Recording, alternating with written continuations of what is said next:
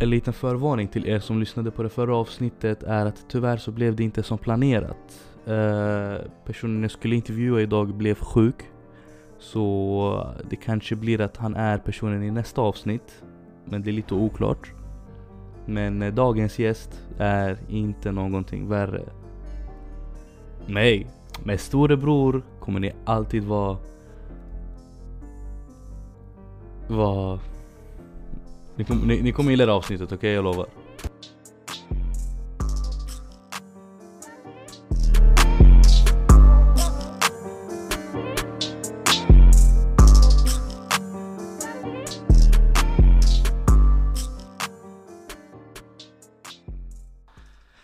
Då så hörni, välkomna till det fjärde avsnittet av Storebror. Jag vill bara börja med att tacka alla ni som lyssnar. Och för mig, alltså att hålla på med den här podcasten, den sjuka känslan när jag har de här inspelningarna, när jag redigerar, när jag släpper ut och ser liksom lyssnarstatistiken öka och öka liksom för varje dag. Det är en sån otrolig känsla och det är tack vare er. Och jag hoppas verkligen att den här podcasten har kommit till nytta till, nytta till er och har underhållit er. Och eh, som tack till er verkligen så, skulle, så kommer att jag göra en giveaway. Och i och med att det här kommer att släppas på fredag så kommer jag att göra giveaway någonstans i helgen också. Det är lite obestämt. Uh, föremålet har jag inte bestämt heller. Men det blir en överraskning. Uh, så håll koll på min Instagram och jag kommer att försöka presentera vinnaren, inte nästa avsnitt, avsnittet efter. Så det, det kommer bli kul.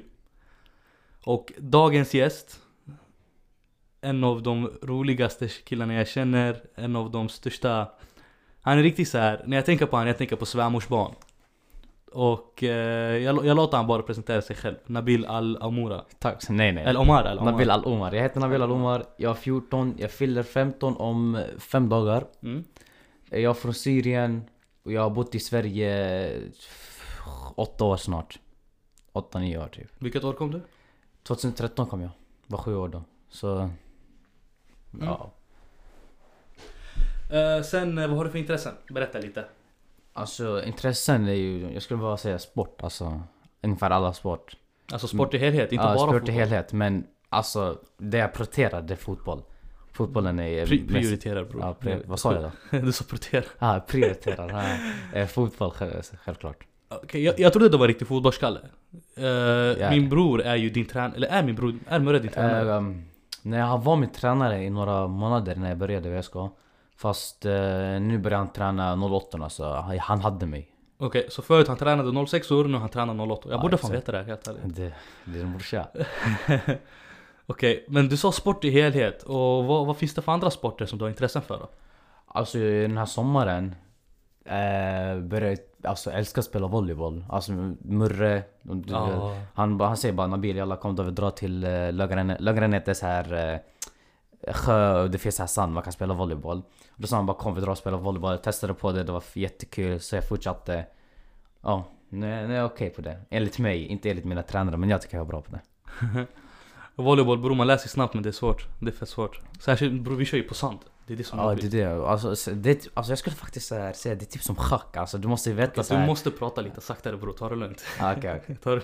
Lyssnarna kommer bli galna Alltså jag, säger, jag skulle säga att eh, volleyboll är lite som schack för man måste så här, så här tänka sig, så här, predict vad deras nästa alltså, move kommer vara. Man måste tänka sig, ah, kommer han smasha? Kommer han lägga vanlig? Så här, det är svårt. Men är inte alla sporter typ så egentligen? Jo, Jag tror inte det Eller- finns så många sporter som, inte, som behöver chans. Det, det, det är inte så mycket tur. Men eh, typ vi säger racing. Behöver man veta vad sina, det är en sport eller hur? Ja, racing är en sport. Man behöver inte veta vad sina, Du skojar med mig bror, racing är fett strategisk. Men där, där man tävlar mer mot sig själv också. Förstår du? Alltså bror, bollarna att sitta liksom i en bil Och köra Bara gud vet hur snabbt med de här branta svängarna Bror folk har dött på racing bror, säg till mig någon som har dött på volleyboll Ja, ja, ingen. eh, Volleyboll ingen. Hur fan ska man dö där? Ja men alltså jag kan inte säga något om så här racing. Alltså det är säkert skitsvårt. Jag har aldrig testat på det. Det är säkert skitsvårt. Eh, men alltså... Det, ja, man måste säkert tänka som i helvete. Alltså skitmycket. Fast ja, jag, jag kan inte veta så mycket. Jag har inte testat på det. Mm. Så du, du går i nian? Nej, du går, i- du, går, Åttan. du går i åttan? Andra, ja exakt. Okej. Eh, då tänker jag, hur hanterar din skola pandemin? Alltså jag ska faktiskt säga att de inte gör det så bra. Uh, jag, vill säga, jag, har fått, jag har ju fått corona. Och det, alltså, eh, det är inte, alltså, de har- hanterar inte det på ett bra sätt. Alltså, de, skolan har ju fortsatt, vi har inte haft, vi har inte haft så här eh, distans. Alltså än. Vi har inte haft det en enda gång. Vi har bara haft det i arabiskan. Mm. Fast alla andra lektioner har vi haft exakt likadant. De har inte sagt så här alltså, ja, det är corona. Var lediga en vecka och så har vi distans istället. De har inte sagt det. Det enda de har gjort är att vi, har, vi fick jullov två dagar tidigare tidigare än vad vi skulle. Okej. Eh, men jag tror det är väldigt mycket för att ni är en grundskola. Och då är det andra beslut som tas. Jag fattar inte heller. Eh, jag har ju själv distans och jag tycker att ni kanske också borde ha distans. Men ändå inte. För att nians betyg är väldigt viktiga. Extremt viktiga. Och utan distans. Med distans så blir det mycket svårare att uppnå de betygen. Ja, ja, men det, det är svårare att ha distans. Alltså, det är inte så många som är motiverade till att så här, vakna och plugga eller vakna och alltså, gå in i lektionen och börja plugga. Så det är mycket enklare att inte ha distans. Mm. Men i en sån här pandemi så måste man. Alltså, jag känner flera elever som har haft corona. Mm. Så det är, alltså, det är så här. De sitter i skiten i snö yani. De vet inte vad de ska göra. Mm, jag förstår vad du menar. Vi ska prata lite mer om din skola eh, sen. Men eh, jag vill börja prata lite om din historia också. För att du, du har en väldigt lång och väldigt intressant historia tycker jag. Ja, Så vart föddes du? Jag föddes i Syrien, eh, Aleppo. Landet Syrien, inte... Ja, landet Syrien, staden Aleppo. Okej. Och där, där talar man arabiska, eller hur? Talar, man, exakt. talar man andra språk där? Jag tror, eh, ja det är kurdiska i några delar. Ja, okej. Eh, hur var det i Syrien? Har du några minnen? Alltså jag var ganska ung, men de minnen jag har innan kriget Alltså det är ju bara positiva det, alltså det var Jag var ung, jag hade kul Gick i fint där. skolan Det var fett fint där ju. Jättefint, alltså det Alltså det, det är som du skulle tänka dig i Sverige, alltså jag hade det som jag hade det i Sverige först Fast sen efter kriget så ändras ju mycket Ska jag gå in djupt in i kriget? Alltså Vet du mycket om kriget? Eller inte om det där men vad som hände mig Ja, berätta. Ska jag börja redan nu? Ajde. Eh, så, eh, jag var ung så här, levde livet. Sen eh, började kriget. Eller det började protestera. Alltså folk började protestera. Vänta, 2013. Var det ändå arabiska våren då? Jag vet inte.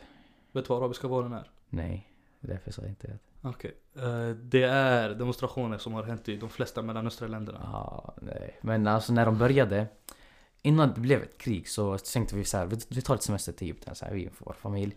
Och sen blev det att vi stannade där eftersom kriget hade börjat då. För alltså det började med protestera och sen blev det kriga. Mm. Så när vi var i Egypten. Vilka krigade? Jag tror det var armén och alltså själva folket började först. Okej. Mm. För ja. Sen drog vi till Egypten. Vi skulle egentligen vara där några veckor. Någon månad tror jag. Men sen blev det till slut att vi var där nästan ett år. Vi var där 11 månader. För det blev alltså, vi kunde inte åka tillbaks eh, eftersom det blev några grejer. Sen när vi åkte tillbaks. Så började det bli mer seriöst. Mer, eh, alltså mer grupper började bli inblandade i kriget. Det blev mer seriöst. De började komma in i vår stad och Alltså vår stad började bli en sån här punkt där... eh, Aleppo? Nej, eh, vi... Jag föddes i Aleppo men sen eh, vi bodde i ett stad som heter Hama. Okej. Vi bodde där eh, och alltså vi bodde så här, du vet så här, ute, nästan ute på landet typ ungefär. Okej. Och där började de så här, alltså det var där de började lägga fokus på att liksom så här, soldaterna började så här ta hus för att gömma sig där så här eh, gömma sig där och kunna kriga mot andra. Mm. Ehm, sen när vi kom tillbaka så var det för, alltså vi behövde verkligen fly därifrån. Okej. Så då bestämde mina föräldrar att vi skulle alltså fly till ett land. Mm. Så då tänkte pappa, okej Sverige. Det är ju det bästa landet. Alltså det, Sverige är fan ett skitbra land. Alltså, Men varför, varför valde ni Sverige? Är det för att ni hade släktingar här eller ni hade hört bra rykten om Sverige? Nej, jag tror alltså... Pappa, alltså säger, man måste ha smugglare för att komma in i Sverige. Och jag tror det var enklare. Alltså, för den enda han kände, det var ju... Alltså han smugglade in Sverige. Mest. Mm. Så då... Alltså jag tror han bara valde Sverige bara för att Alltså Sverige, det är ett bra land, han hade hört mycket om det. Okej. Och att det var ju enklare för oss. Mm. Så då tänkte pappa, okej. Alltså mm, vi kan inte ta min mamma med oss för hon var gravid och så hade vi mina, mina syskon. Mm. Så då tänkte pappa, okej. Jag och Nabil blir bäst för alltså min storbrorsa, han kunde inte ta min storbrorsa för min storbrorsa Skulle vara typ som pappan när jag och pappa drog. Så då tog han mig som var näst yngst Så då åkte vi, Han såg för gammal ut för att komma. va? Såg han för gammal ut för att komma in i Sverige? Nej nej, min, inte min storbrorsa, nej nej. Eh, för alltså, nej, om, om min storbrorsa och min pappa ska lämna. Mm. Då skulle det inte finnas någon som är typ, Oh, som är pappan i familjen, Som kopplar. hushållet. Exakt, kopplar det. Så det då, kan också vara en kvinna, men i sådana ja, situationer... exakt. jag, Det, jag, det, mamma kommer alltid vara så här högst upp. Eh, mamma kommer bestämma självklart. Men jag antar att i den kulturen och det landet och under den tiden man antog, man liksom hade den synen att Ja. det måste finnas ett pappa i ett hushåll. Ja exakt, det, det är fucked up men det är så bara. Eh, sen en, eh, då ska jag ska berätta hela, alltså hur vi tog oss till Sverige. Det började med att den dagen, då var jag alltså, jag var ung, jag visste inte vad det var som hände så alla runt mig grät. Alltså att vi skulle dra, jag var bara glad. Alltså, jag, jag ska vara ärlig, jag var glad. Jag såg mina kusiner, jag vaknade, jag var taggad. Mm, du fattade inte liksom, det var så här. Jag fattade inte vad som skulle komma. Att Mm. jag skulle komma till Sverige, det här skulle hända så så så. Så jag var taggad. Sen när vi lämnade dörren och sen vi drog, tog en buss till, eh, vad var det för stad? Nej, vi skulle ta en buss från Syrien till Libanon tror jag. Mm. Och nu kommer det sjukaste. eh, Det här... När vi tog den bussen så var vi nä- ganska nära gränsen tror jag. Till, och sen... eh, Du vet, så här, jag vet inte om du vet men mellan olika städer så brukar de ha så här soldater brukar ha så här stopp. Alltså du brukar stanna där så får de gå igenom så här Alltså du får stanna där och så frågar de dig så här några frågor om, för att och, låta dig gå förbi eller inte. Mm. Checkpoint. Ja, exakt. Jag kallar, kallar jag. Ja. Och de har ju så här några namn på listan som de vill fånga och sätta in i fängelse. Mm, efterlysta. Ja, exakt. Så vi var, vi, vi stannade en gång, så började de ropa upp namn. Mm. Och det var min pappas namn med där. Abo. Det, det här är knas. Eh, Så de tog ut min pappa. Mm. Varför var han efterlyst från början? Jag vet inte hela historien men eh, vår, eh, min pappa ägde ett apotek och det här apoteket det låg nära där de protesterade. Okej. Och de, alltså alla som protesterade Mm. var efterlysta. Så de trodde att min pappa var en av de som protesterade eftersom alltså han var ju runt det där området. Mm. Och de, alltså, de hade inte så mycket anledningar bakom någonting, de bara gjorde något för att göra något, kopplade. Så de tar ut min pappa från bussen.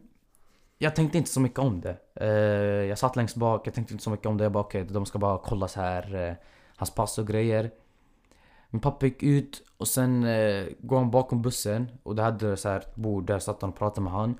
Och så kollar jag bak, alltså från fönstret och ser att eh, de tog så här passen från pappa lägger dem på bordet. Och sen varje gång de frågar en fråga så slår de med en slang.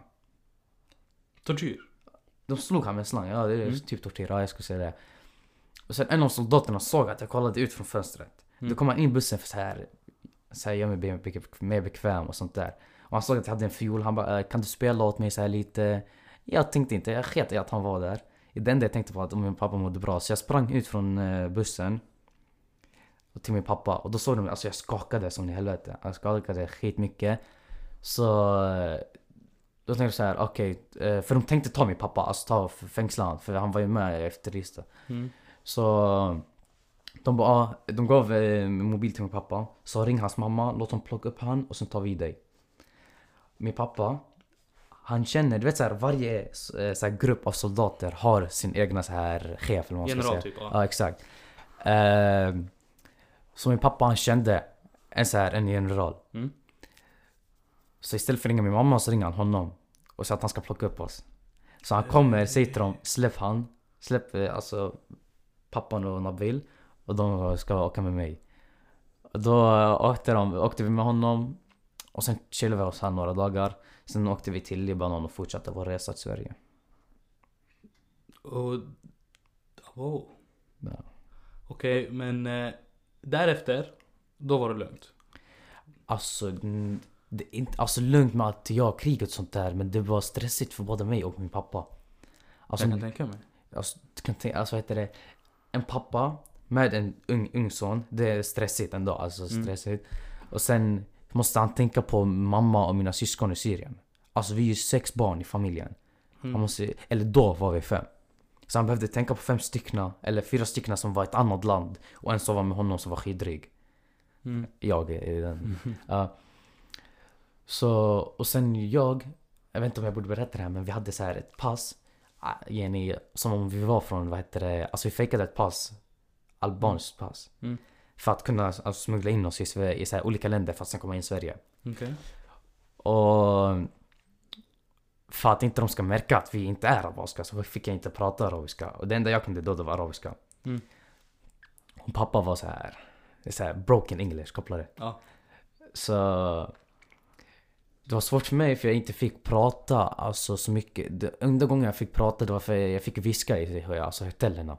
Jag var på hotell, då, då var det enda gången jag Alltså jag fick viska, men annars jag fick inte prata någon gång. Alltså jag fick vara helt tyst bara för jag och pappa skulle kunna klara oss in i Sverige. Ja, men alltså för oss, alltså vi tog den här vägen med att bara flyga. Från land till land till land.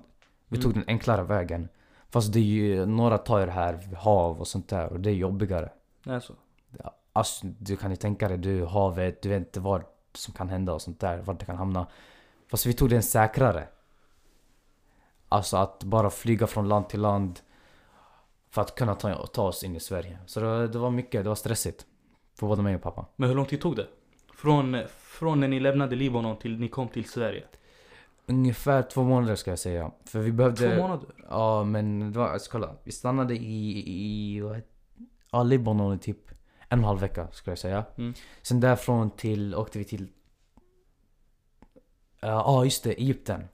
Stannade där två dagar. Sen åkte vi därifrån till Tanzania tror jag. Så det var, det var mycket så här, det var mycket mellanlandning? Det var mycket Ja mellan... exakt. Vi Okej. åkte till länder och så stannade vi och åkte till land och sånt där för att fixa grejer. Okej, men eh, är, du, är du svensk medborgare? Ja. När blev du det? När jag blev det, det var ungefär typ fem år sedan tror jag. Nej, ja. Så ja. du blev svensk medborgare ganska snabbt då? Ja, ja, ganska snabbt. Fast, ja, jag blev det. Och sen tog det lite tid för min pappa är äldre och sånt där. Alltså jag var ung, så det, Mm. det är enklare för de unga att få det snabbare. Okej. Så, och sen nu när, när vi kollar på ditt pass, det står liksom att du är född i Albanien och sånt där? Att du är alban? Nej, nej, nej, nej, nej. Det där var, alltså när vi kom till Sverige så behövde inte vi det där längre. Alltså vi behövde inte det albanska passet längre. Vi behövde bara albanska passet för vi skulle kunna ta oss från Libanon till det där landet. Alltså Albanien är med i eh, EU, eller hur? Ja. Alltså det, det är inte så att det man kan ta sig lika långt med en arabisk pass. Alltså Det jag kan inte syriskt pass och då åka till Tanzania och sånt där. Det, det, det är inte lika lätt. Så efter vi kom till Sverige så behövde vi inte det där längre. Mm, Ni sa att ni är araber bara? Vi är araber. Ja då, då har jag behövt klippa bort den där delen. Ja. Vad du gjorde i de där länderna, det är deras problem. Det är deras problem. Det är deras Det problem. är deras problem. Okej, men då jag undrar, vad händer med dina syskon? Bor du med dem idag? Vad är det som händer? Eh, när vi kom till Sverige så fick vi stanna i ett... Eh, vi kallar det kamp. Det var det flyktingläger, flyktinghem. Ja exakt, det var, det var ett gammalt sjukhus eller ålderdomshem tror jag. Mm. Så vi hade ett rum, typ, alltså rummet var ungefär två meter bredd. Och två, ja, två meter bred och typ tre meter lång. Så då hade vi två sängar där. Fem kvadratmeter bror. Vi behöver inte göra matte nu va? eh, Vänta, vänta. Vad sa, du- vad sa du? behöver inte... Två och tre? Ja. Sex kvadratmeter. Ey vad pinsam jag är. ja exakt, Sex det. kvadratmeter. Jag försöker lära mig grejer. Ey, jag börjar skolan nästa vecka. Uh, Okej, men var det... De brukar ju ta övergivna ställen. Men hade du ett helt rum med väggar och tak? Eller var det bara så separerat med bara väggar? Nej, det var alltså... Det var ett gammalt sjukhus så det var väggar, tak, allting. Ah, Så det var typ, det var typ som, som de här rummen man la sjuka människor i? Ja, exakt. Okej. Du vet när du drar till tandläkaren. Ja. Det där rummet utan allt det där eh, borrar och sånt där. Okej, ja. Sängar och ett skåp och en, ett bord. Och det var bara du och farsan, ni fick klara er där? Ja, exakt. Sen fick vi bo där ett och ett halvt år. Det där året, ett och ett halvt år, det var skitjobbigt. Mm. Alltså, jag ska inte klaga. Människor har haft det mycket värre. Men alltså det var ju så här. Maten var inte så här. Alltså kopplad, de bara slängde grejer. Alltså förstår ni vad jag säger när jag säger svärmorsbarn alltså? Han har haft värsta livet och han säger jag ska inte klaga. Fucking Nej nej, ärligt. Eh, eh, och sen alltså det var mycket för mig. Jag kan gå djupare in i det där sen. Men eh, alltså det var mycket under det här år, eh, ett och ett halvt år men eh, efter det så Jag kommer fortfarande ihåg den dagen jag vaknade Och så pratade min, min pappa och min eh, mamma på whatsapp, alla blattar har det Mhm. Eh, Och då säger, det hör jag att de säger alltså att Du vet eh, när man, har- alltså, när man fått så här besked om att man får stanna i Sverige Mm. Då kan man alltså skicka hit några av, av, Tillstånd tror jag det heter. av familjen så här. Mm. Och sen får man se om de får stanna Ja. Så då sa pappa, de kommer komma till Sverige Mm. Jag var skittaggad Jag drog till skolan, sa till alla mina lärare Och fick de gå igenom samma problem som ni gick igenom eller var det direkt flyg dit då? Nej, direktflyg, de fick direktflyg hit Okej. eh, Eller nej, först till, eh, vad heter det, de fick först åka till eh, det är inte samma, det var inte Turkiet. samma som ni? Ja, nej, nej, nej, Okej, absolut ja, men inte. det var typ såhär mellanlandning kan man säga. Ja Så Då fick jag vänta några månader, månader och sen en dag Skittrött, min pappa väcker mig klockan fem Jag bara pappa, pappa vad är det? Han bara Sätt på dig dina kläder, vi ska till Arlanda Jag, var, jag visste inte vad Arlanda var Ja, den där känslan. Jag bara, vad Arlanda? Jag sa, det när man är trött, man, man, man tänker inte. Bara, vad Arlanda? Han bara, flygplatsen. Jag vaknar upp så här. Du fattade? Jag bara, kommer mamma? Han bara, följ med mig. Sen då min kusin, han bodde, han bodde i Lund. Han är den enda som så här, vår släkting som bor här i Sverige. Så han följde med oss. Vi åkte dit, jag var skittaggad. Fick slippa skolan, träffa mina föräldrar, min mamma, mina syskon. Jag har träffat dem på ett och ett halvt år. Jag var mest eh, taggad för att träffa mamma. Alltså jag var i sju år. Mm. Mamma, ja självklart. Så... De landar. Det tog så här lite tid för dem att komma. Jag Mm. tror de typ satt längst bak eller något eller det var trångt något sånt där. Men det känns ju som en evighet när man är så taggad. Jag och pappa stressade som i helvete. Vi tänkte vart är de? Vad hände? Stannar de dem i Turkiet? Fick de inte fortsätta? Något sånt där. Mm. Men sen när de kom. Alla grät. När vi såg dem, alla grät. Sen kommer till det. Alla grät förutom jag. Nej. Nu var jag så här glad bara. Jag var så här relief. Mm. Att min mamma var här. Det enda jag var taggad på nu det var att äta Donken för första gången. Ajde, min mamma kommer, alla de kommer.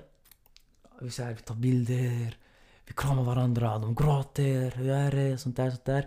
Jag bara, pappa, pappa, kan vi... Jag sa att han har sett din lur på tyst, kolla han, han Walla den är tyst. Kolla den är tyst. Är det där tyst? Ja, oh my god. och det är mamma, ja.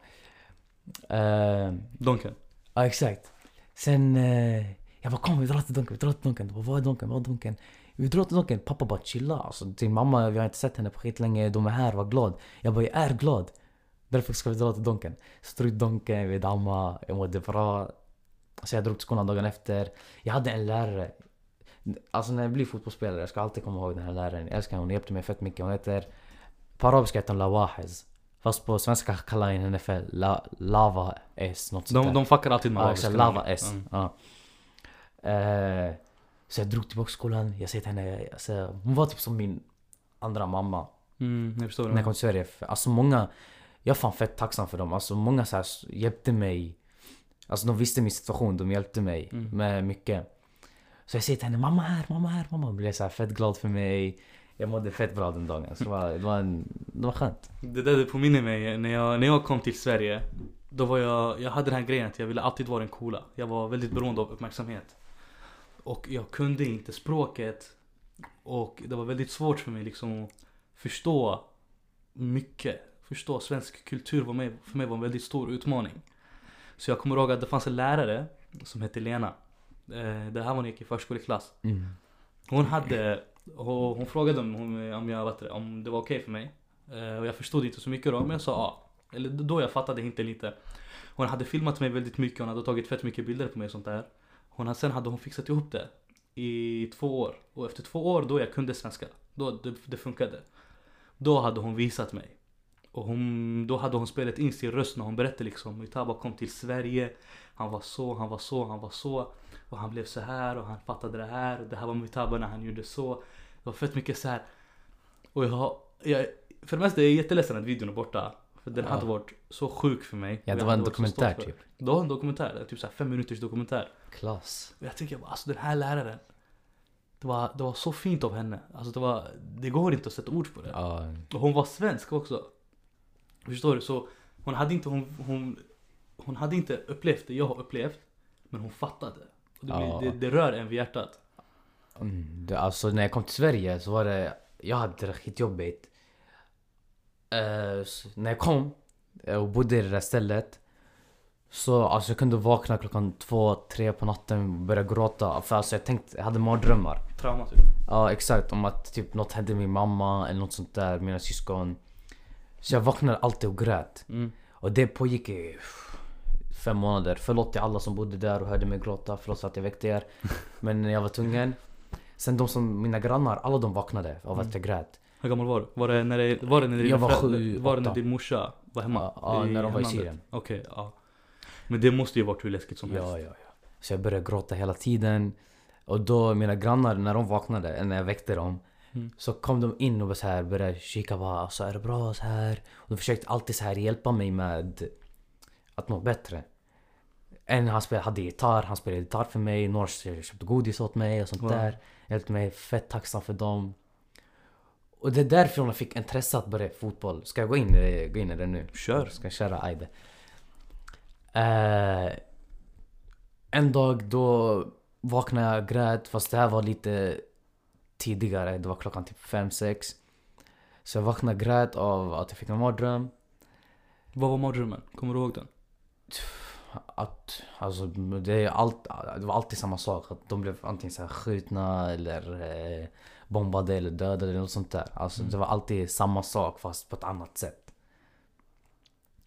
Så jag vaknade, hans, en granne kom in han bara Först han spelade gitarr för mig fast det funkade inte. Mm. Så han bara, vill du följa med oss och spela lite nästa, alltså, eh, på, alltså senare på morgonen? Och då hade jag inte mycket, alltså jag hade inte kompisar då. Mm. Så jag Hur, hur gamla var de? Var de vuxna män? Eller ja, var det typ 24, 26 något sånt Wow. där. De hade kommit själva till Sverige för ett bättre liv så själva. Ah, okej. Så um, de säger till mig, följ med oss, vi spelar fotboll. Jag var så här taggad, jag bara yes, äntligen Mm. kompisar, det var kul och sånt där. Så jag följde med dem. Jag visste, inte, jag visste vad fotboll var, men jag visste jag kunde inte spela det. Mm. Så jag spelar, jag har fett kul. Och det var den enda gången jag inte tänkte på att min mamma var i Syrien. Så fotboll, fotboll var den här utgången till dig? Exakt. Det var, det var då... Mm. Det är därför jag älskar fotboll för när jag, när jag tänker, alltså när, när jag inte mår bra och spelar fotboll. Alltså jag, automatiskt jag mår mycket bättre, alltså mycket mycket Mm. bättre. Så det hjälpte mig. I början, jag var inte så bra på det men det var det som gjorde det kul. Att jag alltid kunde förbättras, förbättras, förbättras. Och sen det som inspirerade mig ännu mer, det var att alltså World Cup 2014 var ju då. Mm. Alltså typ några månader efter jag började Ja. spela fotboll. Så jag så här, kollade på så här, Neymar, abo, vad gör han? Så här, finter, Messi. Där allt sånt där. 2014, då var, då var det fett legendariska tider. Det var Casillas, det var Rooney, det var Nani, det var Ronaldo, Det var Ronaldinho. Percy, Robben, Ribéry, alla de där. Klart, det var skitkul att kolla på. Sen jag kommer ihåg, alltså vi var, vi var, vi var fattiga för vi inte fick så mycket pengar när vi kom till Sverige. Mm. Så, Ni hade socialbidrag, det var det? ja men det var typ en lax.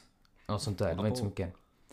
Så jag kommer ihåg, min pappa, min pappa var stressad för han, alltså, han försökte så här, skicka lite pengar till Syrien också för mina syskon och mamma. Mm. Och sen för att jag ska kunna köpa kläder och sånt där. Eh, så jag kommer ihåg, vi drog till Lidl, jag såg den här Brasil-tröjan. Med Neymar som stod på baksidan. Jag bara pappa, pappa snälla kan vi köpa den? Kan vi köpa den? Jag kommer sluta gnälla allt sånt där i tre månader så, här. så han köpte den. Jag var skitglad. Och jag tänker det måste ha varit jobbigt för honom att köpa den. Så Ja, ja, ja. Alltså, Och sen när man tänker idag, vadå Brasiltröja, det måste ha varit 99 kronor. Alltså, ja, typ 50 kronor var den då på rabatt också. Så, men alltså det är jobbigt att, när man inte har så mycket. mm, precis. vill, 50 kronor kan, alltså. 50 kronor kan ju vara så här 5000 för någon som inte har så mycket. Sen några dagar efter jag bara pappa kan vi köpa fotbollsskor? Ja, det, det är inte 50 kronor kan jag säga. Pappa kunde inte säga nej. Nej. Han kunde inte säga nej. Ja, För min pappa alltså, min pappa och mamma vill bara att jag ska ha kul hela mitt liv och så här, de sportar mig med typ allting. Så pappa okej, vi åker till Västerås första gången, vi drar till Myrorna.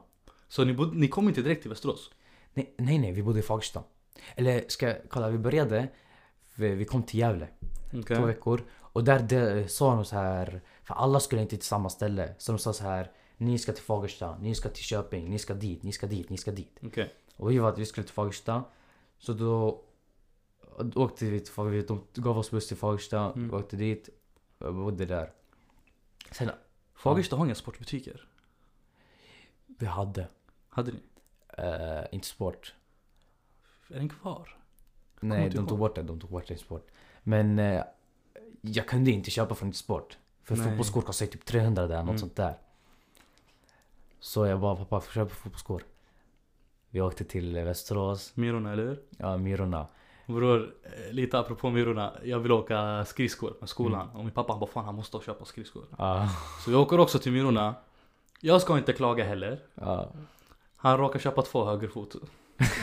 alltså bror, skridskor bror det är inte samma som skor. Bror. Det var snö, jag vet. Ja, jag, de är skitsvåra att se om det är höger och vänster. Han köpte två högerfot. Bror jag har aldrig haft det så jobbigt. Jag visste att man kan inte klaga bror. Man, man tar vad man får. Ja, det, alltså, det är sånt, det, sånt där man lär sig när man har gått igenom så här mycket. Man tar Ja. det man får, jag svär. Sant.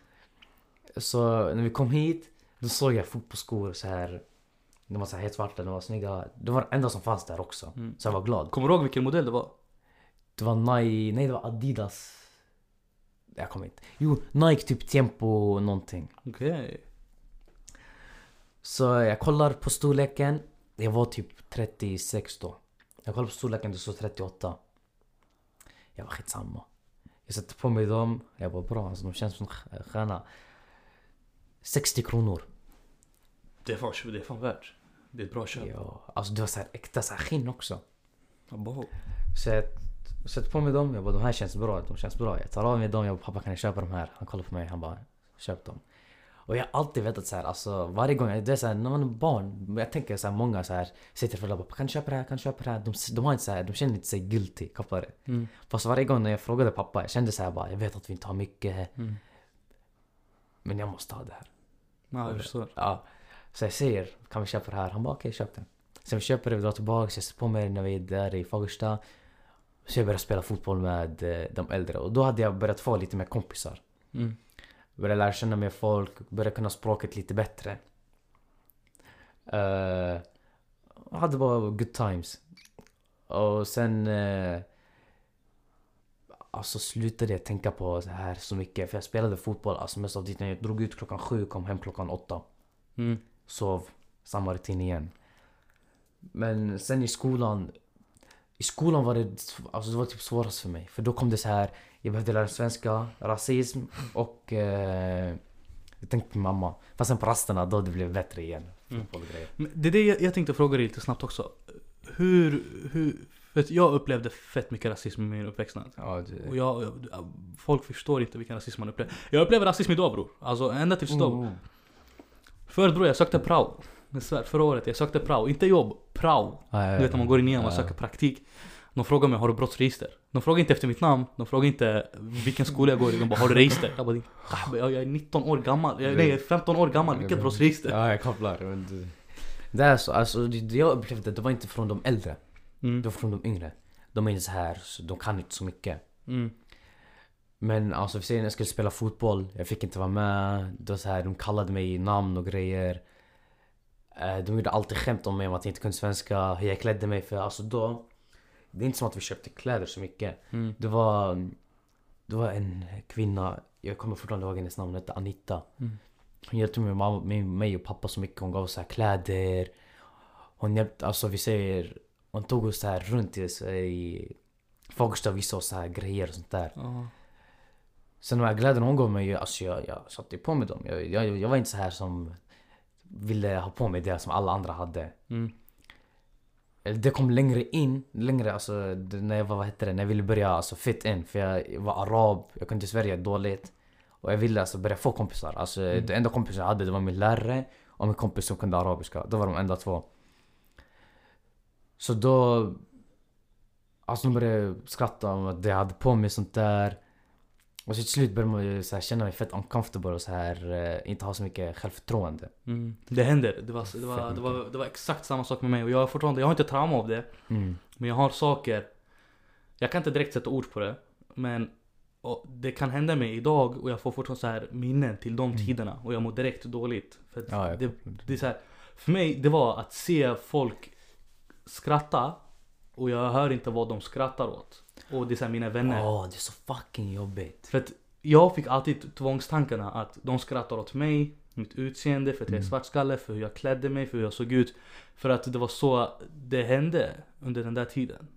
Ja, det är så här, alltså nu för tiden också när man säger, när någon säger så här Prata svenska när du är i skolan och sånt där Alltså, när, jag pratar bara så här svenska helst eftersom alltså Vi blattar också, alltså, det känns så här lite jobbigt när man inte kan svenska Fett jobbigt. Och så pratar någon svenska framför dig, man kan tro alltså att de pratar skit om dig eller något sånt där Och då är det inte så bra om vi blattar börjar prata arabiska framför dem då, alltså, de- de tar det på samma sätt som vi, som vi tog det så Ja, för mig, för mig, jag förklarar mig med ja och nej. De frågade mig vad heter du? Jag sa ja. Bror, ja och nej. Det var, det var, det var, jag förklarade mig det hela förskoleklass. Ja och nej. Bror när jag kom till Sverige Det är såhär i Syrien, vem man går förbi man säger hej Mm. Man hej hej, alltså hej på arabiska och sånt där När jag kom till Sverige, jag visste inte kulturen Mm. Alltså svenskar är jättesnälla personer Mm. Men de är inte så, alltså De socialiserar inte så mycket Nej, det, det stämmer. Så jag går sen promenad med min pappa i Fagersta Varenda person går förbi, hej hej, hej hej, hej hej Du också? Hela tiden Hela tiden jag säger hej Hela tiden Mm, det var samma sak med Ali. På förra avsnittet. Du lyssnade ju. Men vad, vad, var- vad, vad, vad var det första ordet du lärde dig på svenska då? Apa Alltså vilka grabbar ni. Apa, förra gången, hur mår du? Bror. Alltså det, man tänker säga såhär ja eller nej men Mm. eh, Apa det är så här historia bakom, det, det är en historia bakom, det är en, en grej jag och pappa kan men kan du dela med dig av en rasistisk berättelse som hänt dig? För att bror, den rasismen jag upplevde, helt ärligt, det var inte så mycket av berättelser. Det var inte att någon kom fram till mig och slog sönder mig för att jag var Det var små svartskalle. delar Det var små, små delar som Mm. hände liksom kontinuerligt. Men har du en händelse som du kommer ihåg, som du bara... Så nu, nu när du tänker efter, du bara shit det där var rasistiskt. Alltså alltid som dig, det är så här små händelser Mm. Men en, alltså de här grejerna som brukade hända, alltså typ i skolan Det här fuckade mig fett mycket eh, I skolan vi jag spelade fotboll När jag äntligen fick börja med, vara med fotboll För jag fick inte vara med så här i typ två år Mm. Jag fick antingen vara Spela och göra ett mål, eller vara målvakt eller vara domare Mm. Bror jag fick vara bollkalle. Wallah Jag fick inte stå på planen. Wallah du fick alla nudda bollen Eh, Så Sen vi, jag och en kille började bråka Mm. Eh, sen han, eller alltså allt börjar med att han sparkar mig och säger, ställer mig upp och säger vad gör du? Sen börjar han slåss och så tar jag han, alltså jag tar ner honom så stryper jag han. Gör inte det, slåss inte, det är dåligt, det är dumt, det är barnsligt. Jag gick i tvåan då och då kom en lärare. Hon visste vad det var som hände. Hon Mm. hade sett. Men hon, alltså hon sa bara till mig. Alltså, vad gör du? Skärp dig. Du, så här, du kan inte hålla på så här. Det är inte bra för dig så här. Men hon, alltså, hon menar rasistiskt sett. Alltså så här, bara du blatte. Alltså, yani, skärp dig, bete dig. Du är i Sverige, du är ny och du har- håller redan på med det här.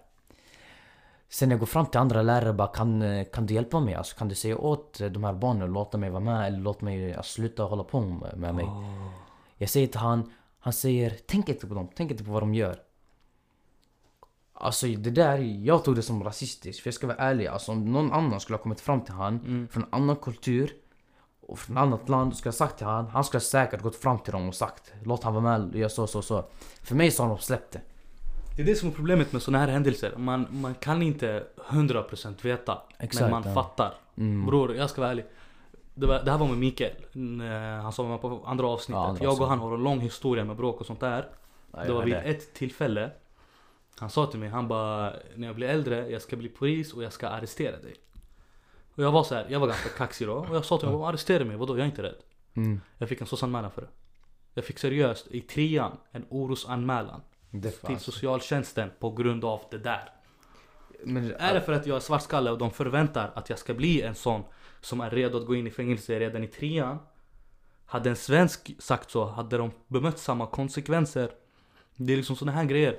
Ja det, det alltså Jag vill inte låta så här dum grejer nu men alltså Blattar som har behövt komma till Sverige och sånt där, de har haft det värre än sven, alltså många av svenskar Alltså jag ska vara ärlig, jag har säkert varit med, med mer än alltså En average svensk man Bemött för rasistiska, bemött för utmaningar. kan man- nej, ja exakt, utmaningar så här Mm. mått sämre, mer stress Jag är inte säker på det men jag, alltså jag tror det, säkert typ en 18-åring Mm. Han är född här i Sverige, mår bra, bra familj, allt sånt där.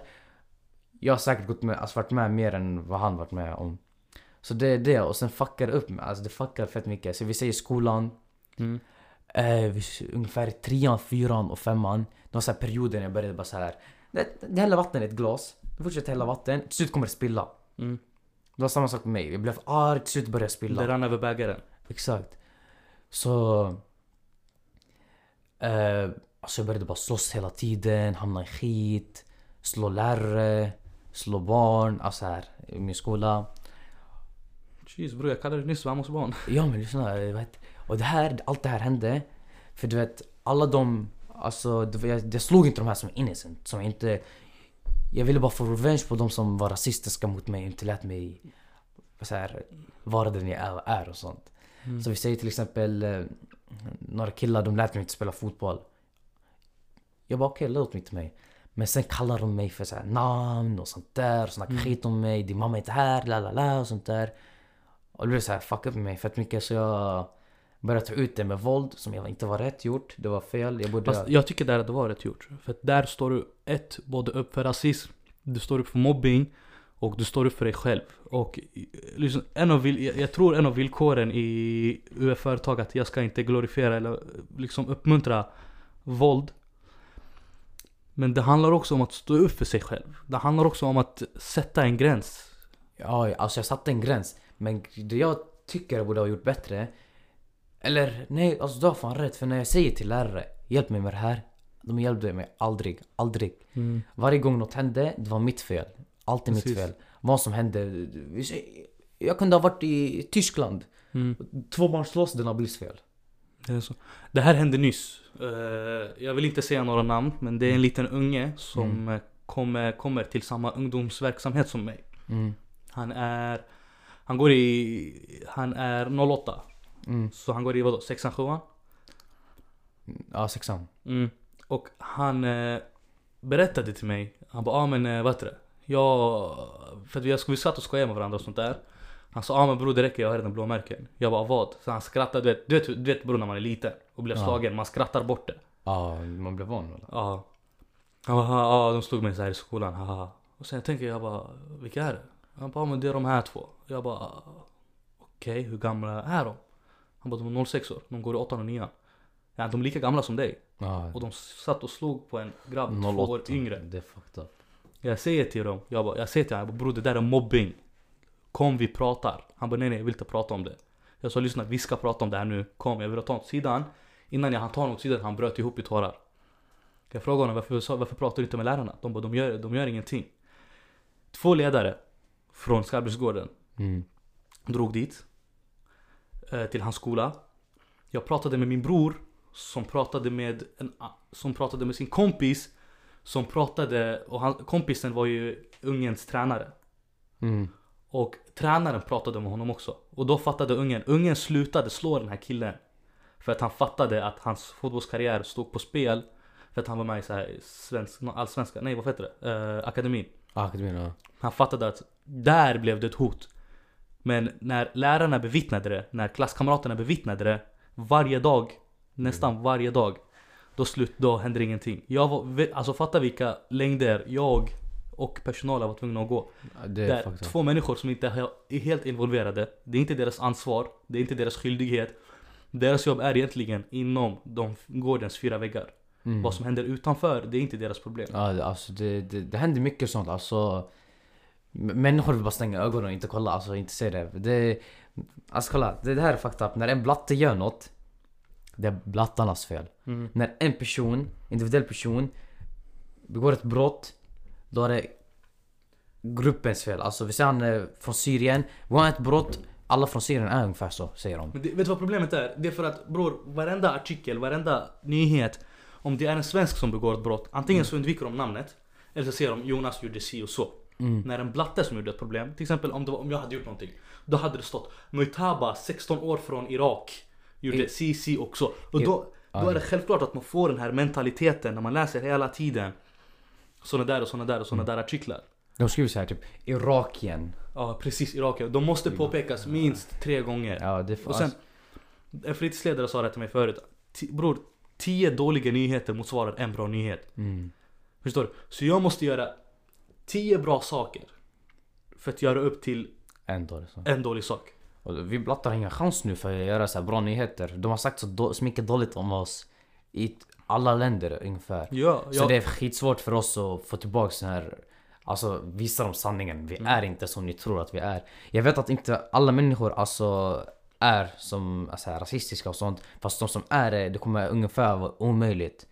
Att få alla rasistiska människor att tänka okej, människor från andra kulturer är som oss. Precis. Alltså, ja, det är. Sen det här med media. Bror. Några år sedan, Mm. jag hade fått en idé att jag vill vika ett gigantiskt hjärta. Eh, jag älskar att vika och jag vill göra någonting så här minnesvärt, någonting, en skitbra idé, någonting coolt. Så jag hade tagit hur mycket papper som helst, det här var i gården också. Tagit hur mycket papper som helst och hjärtat blev gigantiskt, nästan Mm. lika stort som mig. Mm. Och tanken var att våran Skabbelsgård skulle fylla på en liten del av hjärtat med positivitet, positiva kommentarer och fina saker. Skicka vidare till en annan gård. De skulle behålla den, skriva på fina saker och skicka vidare och skicka vidare och skicka vidare tills den kom tillbaks till oss. Full med positivitet, full med kärlek. Och det är såhär, Mm. pass it vidare. Fett bra idé. Skapar gemenskap. Ta bort segregation, det, det, det är nödvändigtvis inte ta bort segregation men det skapar en gemenskap och kärlek och ett samband mellan de olika fritidsgårdarna. Mm. Och mellan olika människor tycker jag. Fett bra idé. Jag kontaktade VLT. Nej det var inte VLT, men det var en nyhetssida. Jag kommer inte ihåg vilken. Jag kontaktade dem och jag sa men jag har den här idén. CC också. Och jag skickade en bild på mig när jag höll i hjärtat. Största svartskallen man kan se. Den kom inte upp. Det, det kanske bara var att de inte tyckte var den, den var intressant. Men den dök aldrig upp och jag fick inte sett ett svar. Alltså den var ju fan inte så, alltså det där var ju en skitbra idé. Alltså det där, jag vill inte låta så här reverse racism nu, Mm. men alltså skulle någon annan ha gjort det Mm. så skulle någon den skulle ha fått någon slags uppmärksamhet. Alltså, Mm. Det, det, man, det går inte att säga att det skulle hända fast med vad man har bevittnat och med de kaffartiklarna det har funnits ute nu Ja, på ja, tidningen. Bror det har kommit upp fett konstiga tråkiga saker. Det här var fett bra grej men den kom, inte, det kom aldrig upp. well, du förtjänar att vara så här, en tidning. Du, När jag var i Fagersta, då var jag med i en tidning bara för att jag deltog i ett tv-program. Va? Visst vet du om det? Nej bror jag orkar inte. Wild Kids? Wild, va? Ja, Har du varit med i Wild Kids? walla. När? Eh, tos, eller den kom ut 2018. Va? Och de skrev om det, alltså jag tyckte inte det var så här. Alltså okej, det kan skriva lite om det fast det där lät ju, det där var en bra idé, du hade tankar bakom det Skulle hjälpa the community, kopplar det Mm. Mm. Va? Men då, jag vill veta, då, då får vi köra igenom de här ganska snabbt. mm. Så det blir såhär 10 snabba. Vilka är dina idoler? Eh, Sergio Ramos och Ronaldo, jag tycker om deras mentalitet Bror Ronaldo har försäkrat sina ben, det där är det coolaste jag hört. Han har försäkring på sina ben. Ja, han skulle få fett mycket betalt om han, någonting hände med hans ben. Ja, han, han är klass Ja, alltså han är legend. Sen, ja, jag vet inte så mycket om fotboll. Men, eh, ja, bra val, I guess. Ja, de, de, alltså de är, deras mentalitet, alltså att Är det så? inte, hard work beats talent Jag älskar det? Ja, hard work beats talent Håller helt rätt. Okej, vart ser du dig själv om 10 år? uh, kom- Inshallah fotbollsspelare i Premier League Premier League 10 år. Du kommer att vara eh, 24 då? Eller hur? Ja 25 Jag fyller om fem dagar När fyller du år? 10 januari Fuck you mannen, jag fyller år 13 Okej 10 år, Premier League, privatlivet då? Tänker du dig barn, fru? Uh, ja, fru, tänker jag mig. Med, alltså den tiden så tror jag att är ungefär ett, en barn. Alltså jag vill ha typ tre stycken, Mm. fyra stycken så här. Men då, Pojkar eller flickor? ungefär en va? Pojkar eller flickor? Spelar ingen roll. Men eh, hur vill du att din fru ska se ut? Vad har du för smak? För smak. Svensk? Ska Det spelar Blond. ingen roll, ärligt. Ingen roll. Spelar ingen roll. För mig alltså spelar ingen roll. Bara... Alltså alla killar tycker så här. Ni kan tycka om jag är taskig eller inte. Men alla killar tycker så här fast de säger att ah, personlighet spelar mest roll och sånt Mm. där. Personlighet och utseende är viktiga. Man, alltså båda Det finns två... inget kvar bror, det är bara personlighet och Ja, exakt. utseende. Alltså, det, det, det, det är de som är så här viktiga. Alltså Mm. om någon säger det är bara personligheten. Man tänker på utseendet också. Mm. Det gör tjejer också. Alla människor gör så. Vi människor, Alltså- alla vi gör så. Bror jag ska vara ärlig, jag har fått höra de tjejerna du har nekat. De har... De, de är fett, alltså bror. De, de är inte fula kan jag säga. Men jag, jag fattar inte vad du gör där. Skit i det där nu yani. Ska jag exposera? Ska jag säga hennes namn? Jag skojar. Nej nej nej nej nej nej chilla bra, inte nu. Jag skojar. Eh, Okej. Eh, har du någon magkänsla om hur du kommer att dö? Alltså, ärligt. Jag ser på döden som, ett bra, som en bra grej. Jag ser inte på döden så här, åh jag kommer dö negativt, alltså jag vill inte dö. sånt Ah, där. bro, bro, bro, chilla, chilla bro. Det här det ska hjälpa folk. Ah. Psykiska hälsa bro, säg inte att död är bra. Psykiska... Död är inte bra. Man, man ska inte vilja dö. Man ska, jag vill leva. Men alltså, om jag dör, jag kommer vara ledsen för de runt mig. Mm. Kopplar du? Alltså jag typ så här, du vet eh, i Mexiko, de ser Mm. på döden på ett annat sätt. Mm. Jag ser på det på, typ på det där sättet så här. Ja fast alltså jag vill verkligen leva, alltså typ tills jag är 80 något sånt där, 90. För jag vill hinna få se mina barnbarn, bli fotbollsspelare, få barn, jag vill hinna med allt det där. Ja. För det finns så mycket positivt i livet. Alltså det du, du ser det som ett avslut. Du ser det som att Exakt. det sista kapitlet bara. Exakt, det är så här. Sista kapitlet, alltså så här, en film, Mm. de flesta filmer så brukar det vara positivt i slutet. Mm. Det är så jag tänker mig. I, I slutet så här, jag har varit med om så mycket bra, sånt där. Jag kan, alltså, jag kan bara chilla nu. Sen du, du har lyssnat på mitt senaste avsnitt. Jag hatar, jag hatar rolig- glada slut. Jag tycker det är fett tråkigt. Jag ska klara Orealistiskt. Okej, om du skulle äta middag med vem som helst, levande eller död, vem skulle det vara? Och Oh. stopp! Ingen inom fotboll. Ja, jag, jag har redan förberett det här. Muhammad Ali. Muhammad Ali. Varför? Alltså jag är en sån här person som blir så inspirerad av de här the greatest. Så här. Jag älskar hans menat, alltså så här, människor med starka mentalitet. Det är Mm. de som inspirerar mig mest. Typ Ronaldo, han tränar hela tiden. Muhammad Ali tränar hela tiden. Så här, han räknade, när vi ser när han tränade, han skulle göra 10 armhävningar. Mm. Han gjorde armhävningar tills han började få ont och då började han räkna. Bro jag är så gymmet varje gång. det är inte värsta. Ja men alltså det, du har en bra mentalitet om du gör det. Det kallas träning, men jag förstår också vad du menar bro. Nej, Muhammad men Ali. vi, ser, vi ser om någon säger till dig, gör 10 armhävningar. Ja man gör 10 armhävningar. Man gör till han här, fast han gör så många armhävningar Mm. tills han blir för ont Mm. och då kör han 10 stycken. Precis. Så det där, det där får mig så här. Jag är nästan där, jag kör fem. Jag, kör, jag tycker det Jag är har en bra. fråga till dig. Ja. Finns det en quote som inspirerar dig mycket? Eh, om du vill förändra världen, börja med att bädda din säng. Walla, jag, okej. Walla, jag kan inte ens bädda min säng men det är chill. Nej men, kolla. Jag kopplar, jag kopplar. Du Om måste... du bäddar din säng på morgonen, Mm. du kommer att ha uppfyllt en liten task. Vilket kommer att få dig att må bra. Och det kommer att uppmuntra dig att göra en till task. Och en till task. Och det blir en fjärilseffekt. Och det leder till att på slutet av dagen, du har förändrat världen. Ja. min, alltså en quote som inspirerar mig det är... eh, the only way to make your dreams come true is to wake up. Alla vill till himlen men ingen vill dö. Exakt, alltså. Alla tänker såhär, aj jag ska bli fotbollsspelare, jag ska bli fotbollsproffs och sitter de hemma och spelar FIFA. Bror, vill du bli fotbollsproffs, gå ut och träna. Du sover om du sitter och spelar FIFA, det går inte. Weekend League fuckar upp dig, kopplar det. Det fuckar upp mig också. Sanning, sanning. Har du några värdefulla minnen? Ja, jag har redan gått igenom det här, men det är när mamma kom till Sverige. Då Ja, och... Första gången jag spelade fotboll. var det så? Ja. Bästa minnen. Det, jag förstår inte den här känslan. För att när jag började spela rugby, då, då var vårt lag så lite att Mm. de delade upp oss i olika lag. Mm. Så när vi kom dit, jag fick spela en gång med Enköping, en gång mot Enköping. Så det var aldrig den här lagkänslan. Ah. Så jag har aldrig förstått den här liksom, ah jag och mitt lag liksom, vi ska köra och det är fett kul. Men alltså jag frågade Murre också, jag bara, "Va- hur känns det att vara ute på planen? Märker man publiken? Murre, han säger han bara, den känslan är obeskrivlig. Alltså den, den, den hur, alltså måendet man mår, det är obeskrivligt. Hur Ja. sku, skulle du kunna beskriva det? Alltså det är på riktigt obeskrivet men om jag ska beskriva det på det bästa sättet Alltså det varierar från person till person Mm. Alla har en, en historia bakom fotboll Mm. Fotboll det handlar inte om bara sport, det handlar om familj och sånt där Mm. För mig när jag spelar fotboll Alltså jag tänker på att jag, alltså, jag hade det så dåligt men så var det fotbollen som hjälpte mig med allting Och det är det som inspirerar mig med att jag ska fortsätta med fotbollen vad som händer Jag ska fortsätta med fotbollen När jag spelar fotboll jag ska, alltså, Det är som att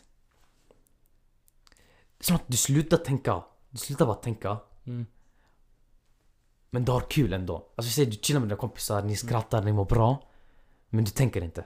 Va? Alltså det, det, det är såhär, your mind is clear men du skrattar bara. Du, du mår bra, du, du mår bra. Du känner såhär, aj jag vill ha bollen nu. Jag vill ha bollen nu, jag vill passa den, jag vill göra så här, jag vill dribbla, jag vill skjuta, jag vill göra sådär. Och det är alltid så här. det är inte, alltså, man, man blir taggad, man bara okej vad kommer hända den här matchen? Vad kan hända den här matchen? Och det är alltid så här mer kul att möta svårare lag. Mm. Och sen fotboll, det är så här kompisar, laget. Speciellt när, som i vårt lag, VSK, Så vi är så ganska så här starka, alltså vi är så här eh, relationer mellan varandra. Så vi kan prata med all, alla, alltså det, det är som familj, stor familj. Mm. Så det blir kul bara tänka så här, ah jag har träning en dag, jag ska träffa grabbarna, vi ska ha kul, vi ska spela fotboll, vi ska må bra. Det, det är det som är fotboll. Alltså fotboll. Good vibes, only good Good vibes. vibes, exakt. Jag, jag har aldrig upplevt den där känslan faktiskt så här ordentligt. Men det finns, jag, jag spelar väldigt mycket schack. Men jag kör Mm. väldigt mycket på, på mobilen. Mm. Och jag försöker lära mig väldigt mycket så här på youtube och sånt där. Och jag försöker vara väldigt, jag är väldigt mycket självlärd. Mm. Så jag, jag, jag skulle inte kunna definiera mig själv eh, som en, alltså som en tävlingsschackspelare. För Mm. min ålder. För att min ålder just nu, de är sjuka. Aj. Men för mig, jag hade tänkt fan vad kul att börja alltså, så här, tävla i schack. För att nu, du vet när jag går till schackklubben i Västerås. Problemet är att det är bara schackfyror som går dit. Det är det som är sorgligt. Ja. Efter schackfyran, de drar. Ja, Men för mig, det alltså, nu det går mig fett mycket sug i så här, försöka börja tävla i schack. Men till er som vet schack, jag ligger på typ 900 poäng. 900, nästan 1000 poäng. Och de som vet det, det är, det är, inte, det är inte värsta. Det är inte så bra. Men alltså börja för alla personer har så här. Alla personer kan hitta den här känslan som jag har i fotboll. Alltså du måste bara hitta Precis. vad det är och du måste Mm. alltså, ha disciplin med att verkligen fortsätta med det. Alltså vi säger du tycker om eh, typ träna, vi säger volleyboll säger vi. Du måste alltså tycka om att det är kul. Om du vill jobba med något så måste du tycka att det är kul. Alltså vi säger så här, det här är som en fakta med arabisk kultur. Du ska antingen bli doktor eller ingenjör. Mm. Ja, om jag inte vill bli doktor, jag vill inte bli doktor alltså. Jag vet. Om jag inte tycker det inte är kul, alltså, då vill jag inte bli det. Men om du tycker att det är kul, då kan du bli det. Jag vet att mina föräldrar inte kommer tycka om det här om de hör det här avsnittet, men jag vill inte bli doktor. Inte ingenjör heller. Bror, mina föräldrar har aldrig pressat mig för att liksom bli någonting. Mm. Men jag kommer aldrig glömma det här minnet. Min pappa har aldrig liksom så här varit med, min pappa har aldrig lekt med mig. När vi Mm. var små, så här med leksaker och sånt där. För att han aldrig sagt, ja han, han klarar sig på egen hand. Jag, jag brukade leka väldigt mycket själv. Mm. Men jag lekte aldrig med honom. Mm. En gång, i, dagiset, eller i förskolan, vi hade så här doktorkit med fake spruta och sånt där. Enda gången jag Alessandro så toppade sprutan i honom, han bara aj! Ey, så det är så- Jag Ey, bara. alltså mina föräldrar, om vi säger när jag spelar ett spel. Ja. Vi säger Fifa och sånt där. Du blir skitarg när jag spelar sånt spel. Fast vi säger jag går in i typ eh, i något sånt här spel där man lär sig. Ja. De blir fett glada. De bara de vill bra så där ska jag spela. Vi säger jag sitter och kollar på YouTube. Jag kommer hem från träning, från skolan, jag fick A på ett, på ett prov. Ja. Jag fick A på ett prov. Jag fick A i ett ämne. Hade bra träning. Jag kommer hem, jag sitter och spelar, jag kollar på Sidemen säger vi. Ja. Jag sitter och kollar på dem. Nabil vad kollar på? Det är inget vettigt med ditt liv just nu. Pappa, låt mig chilla, låt mig kolla på Sidemen, ha kul. Han bara nej, kolla på typ så här hur man blir doktor, man blir så här, man gör sånt där. Det är knas. Och sen så här med prov och sånt där, man måste så här eh, Alltså klara sig med allt och så här, bli bra på det. Mamma ville att jag skulle klara av coronaprovet till och med yani. Coronatest. Ja, hon ville att jag skulle bli godkänd på den också. Ja, kungen du. Men jag tänker, jag, jag, jag, jag vill prata lite snabbt om skolan bara. Mm. Du är ju väldigt duktig i skolan. Ja, tack. Vad, varför är du så duktig? Vad, vad, vad är dina tricks? Vad är dina tips? Alltså grejen är det, alltså, det går i min familj. Jag har ganska höga krav eftersom alltså, alla min, fam- min mamma pappa apotekare. Min storasyster pluggar till uh, tandläkare. Min andra syster är ingenjör. Mm. Min storebrorsa vill bli pilot. Alltså jag har skithöga krav på mig. Vill din storebrorsa bli pilot? Ja, Hur gammal är han? 23. Men jag vet inte men vad han alltså, vill Pluggar göra. han till det nu eller vadå? Nej jag vet inte. Han... eh, Det är så här, skolan är ganska dyr för att komma in pilotskolan. Ja, det är för så dyrt. han jobbar för att komma in dit. Mm, jag själv vill bli pilot. Och jag vet att eh, det kan gå upp till ett- 1,2 miljoner bara för att bli pilot. Ja men det... Ja, Det är upp till. Jag har till, pratat exakt. med andra och de sa att det kan vara upp till 800 eh, och vissa, om man gör det på rätt sätt och får tur och skriver ett kontrakt, då kan man bara betala typ några hundratusen. ja, Så det är svårt. Det, ja, det är svårt alltså, men det är så här en lång process också. Mm. Alltså, det, you move your way up, kopplar det. Alltså, det kan börja med att... Ja, det är bara- körkort. Det är körkort. Ja, du, du, du måste ta körkort för att köra typ så här vanligt flygplan, sen så, sen så. Exakt. Större, större, större, större. Det jag är rädd för, det är testerna. Ja, det, alla är rädda för något. För nej bror, testerna är väldigt svåra när man vill bli pilot. För du har ju ansvaret över 100 liv. Ja, det, det är fan fakta. Alltså, Förstår du? Så de ja. testar dina reflexer, din mentalitet, stresshantering och sånt där. Jag, jag vet min brorsa gick på en träning här, som man skulle göra. Man behöver typ styra en grej och fixa så här flygplanet in i en punkt. Mm. Alltså han körde inte flygplan, det var så här en Simulator. maskin. Ja, och så behöver han styra in i en punkt. Mm. Och det var, alltså det, du vet så här, flygplan, det är inte så enkelt att styra. Den är stor, du har en här liten ratt som du kan styra med. Mm. Så han behövde styra så här och det så här, håller på så här. Det är skitsvårt säkert. Verkligen. Uh, vad heter det? Har du några hemliga talanger? Hemliga talanger? Alltså... Alltså jag kan bli ganska bra på olika sport ganska snabbt. Är det en Du är väldigt lättlärd. Jo, det är en Ja. hemlig talang. Det är lite samma sak. Ja. Du är väldigt lättlärd. Ja exakt. Volleyboll, jag började spela eh, somras. Mm. Alltså, jag är okej på det. Jag är okej. Är Låt mig inte fråga Murre nu, han står här ute. Ja jag svär. Wa- Alltså jag är bra. Men om du frågar vissa, vissa människor Mm. så tycker de inte det. För de har bara sett mig spela några gånger. De har inte sett mina highlights. Ja, det är det. Okej. Sen, eh, har du några tips för ungdomar? Du har ju upplevt väldigt mycket. Ja. Och eh, jag tänker trauman som du upplevde. Har du några tips om hur man kan hantera sådana traumor? Alltså, det, det blir bättre. Det är det enda jag kan säga, det blir bättre. Alltså, gå- går du igenom något nu, Mm. gå igenom det nu så du inte behöver gå igenom det sen. Alltså, okej du mår dåligt nu. Vad är det som gör att du mår dåligt? Försök så här, tänk dig vad som, vad som gör dig glad och sånt där. Mm. Vi säger, det här är en grej som jag har märkt hos många ung, ungdomar. De går med fel personer och mår dåligt på grund av det, men de vet inte vad det är. Alltså tänk så här. okej, du går med dina kompisar. Det är sköna personer men de röker, men du gör inte det. Så småningom så kommer du börja några grejer som är dåliga. Jag vill säga, du kan kanske börja testa röka någon gång. Mm. Och du mår dåligt av det, då måste du verkligen alltså tänka efter. Vad är det som gör att jag mår dåligt? Vad är det som gör att jag mår bra? Då försöker du försöker undvika de grejerna som gör att du mår dåligt. Det där var ett exempel bara. Helt rätt. Och sen eh, när det handlar om eh, När det handlar om kompisar, skitmånga säger eh, Om vi säger 100 personer säger att ja men jag umgås med de här människorna men jag gör inte samma sak. 5% av dem gör inte samma sak. De resterande 95% de, de utvecklas till att göra det.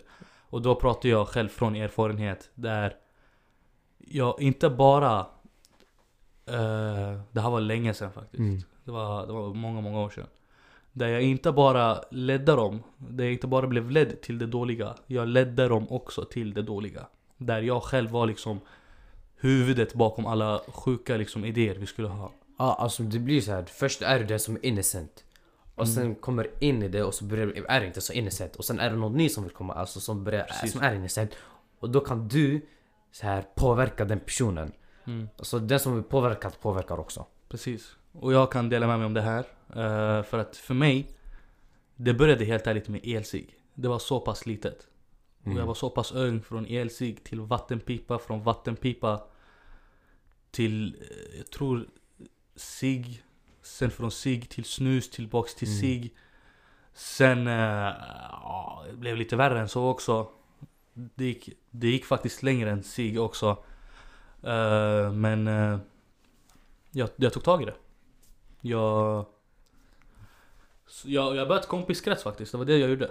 Och det var det som räddade mig, eller inte räddade mig, jo det var det som hjälpte mig att komma undan. Och jag, jag hade turen att i en väldigt ung ålder inse, på grund av att jag torskade. Att Alltså, inse att damn, det där var fel, jag måste ta tag i saker och ting. Det är svårt, alltså för när man är ung man tänker inte så mycket. Alltså på vad man ska göra och sånt där. Så det är alltså det är alltid Det är inte enkelt. Vi säger man, man har sin bästa kompis. Det är inte enkelt att säga jag ska sluta gå med han. Eller Mm. hon. Eller den. Det är sant. Eh, för alltså... Man är så nära men fast man är nära, alltså i livet man måste ta sacrifices. Mm. Yani, det här är en grej som jag fick höra. Det är alltså att vill du bli en fotbollsspelare du måste ta sacrifice. Alltså du måste typ... Uppoffringar. Ja Du exakt. måste offra. Det finns enkla grejer som kan leda till en stor grej. Vi säger inte äta godis som fotbollsspelare. Eller nej, vi säger du vill gå ner i vikt. Att inte äta godis lika mycket som du gör kan göra en stor skillnad. Mm. Alltså du kan gå ner flera kilo av bara att inte äta en godis den här dagen men ät godis nästa dag istället. Det kan göra en sån stor skillnad. Så alltså istället bara, okej börja med att, vi säger ni är kompisar. Ni älskar varandra, ni är skitbra vänner. Men den personen är dålig för dig. Börja med att säga så här till dem. Ja, alltså, jag mår inte bra, jag tror anledningen kan vara så här, så här, så här. Vi ser att de mår bra blir arga på dig, skit i det. det Mm, alltså, då är de inte rädda vänner. ex- Exakt. Det, Det är så alltså, enkelt.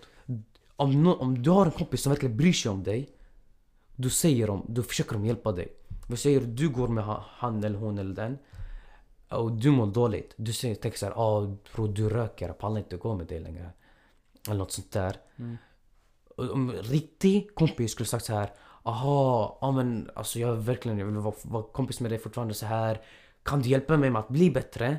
Så kan vi börja inspirera varandra istället. Mm. För jag ska påverka dig till att bli en sämre person så kan vi börja inspirera varandra att bli bättre personer. Annars kasta den bara, ärligt yani. Vänner kom, kommer och går. Alltså ärligt, det är så. Eh, som avrundning kan jag kortfatta vad han sa nyss. Det är att eh, du är dina tre bästa vänner. Och om dina tre Exakt. bästa vänner är människor som är som har drömmar, som har mål, som är drivna och inte håller på med dåliga saker som alkohol, som missbruk av olika narkotika. Så blir du också en person som inte håller på med sånt där. Och det, det går långt. Och det- folk förstår inte att Ja men han är bara min kompis och sånt där. Det blir mer än så. Eller om hon är bara min kompis. Det utvecklas väldigt mycket, väldigt snabbt innan man ens hinner fatta. Alltså man påverkar varandra mer än vad man tror att man Mm. gör det. Och sen alltså, vad heter det? Ja, fortsätt. Jag glömde vad jag skulle säga. Sen, eh, ja, vi har pratat faktiskt i aslänge. Så jag skulle, jag skulle faktiskt vilja avrunda och fråga dig, har du några du skulle vilja shoutout till? Shoutout till alla mina tränare. Mm. Murre, Farre, Simon, Hamid. Shoutout till alla dem. Shoutout till mina gamla Sayed då? Sayed, jag hade inte han så mycket men Sayed också. Mm. Han hjälpte mig fett mycket. Alla som har hjälpt mig, mina föräldrar, alla, alla människor. Alla människor som jag omringar mig av. Kunde Så du- jag vill säga en grej innan det är slut. Vill du bli en bättre person, omringa dig av bra personer. Du kan inte bli en bättre person om du går med någon som inte är bra. Sammanfattning av hela podden. Ja, exakt. Eh, sen kom jag på faktiskt, eh, gott nytt år till allihopa. Ja, gott nytt år. 2021 nu. Eh, shit, 2021 mannen. Vi ska göra förändring. Jag kommer göra kaos med storebror 2021. Jag har stora planer.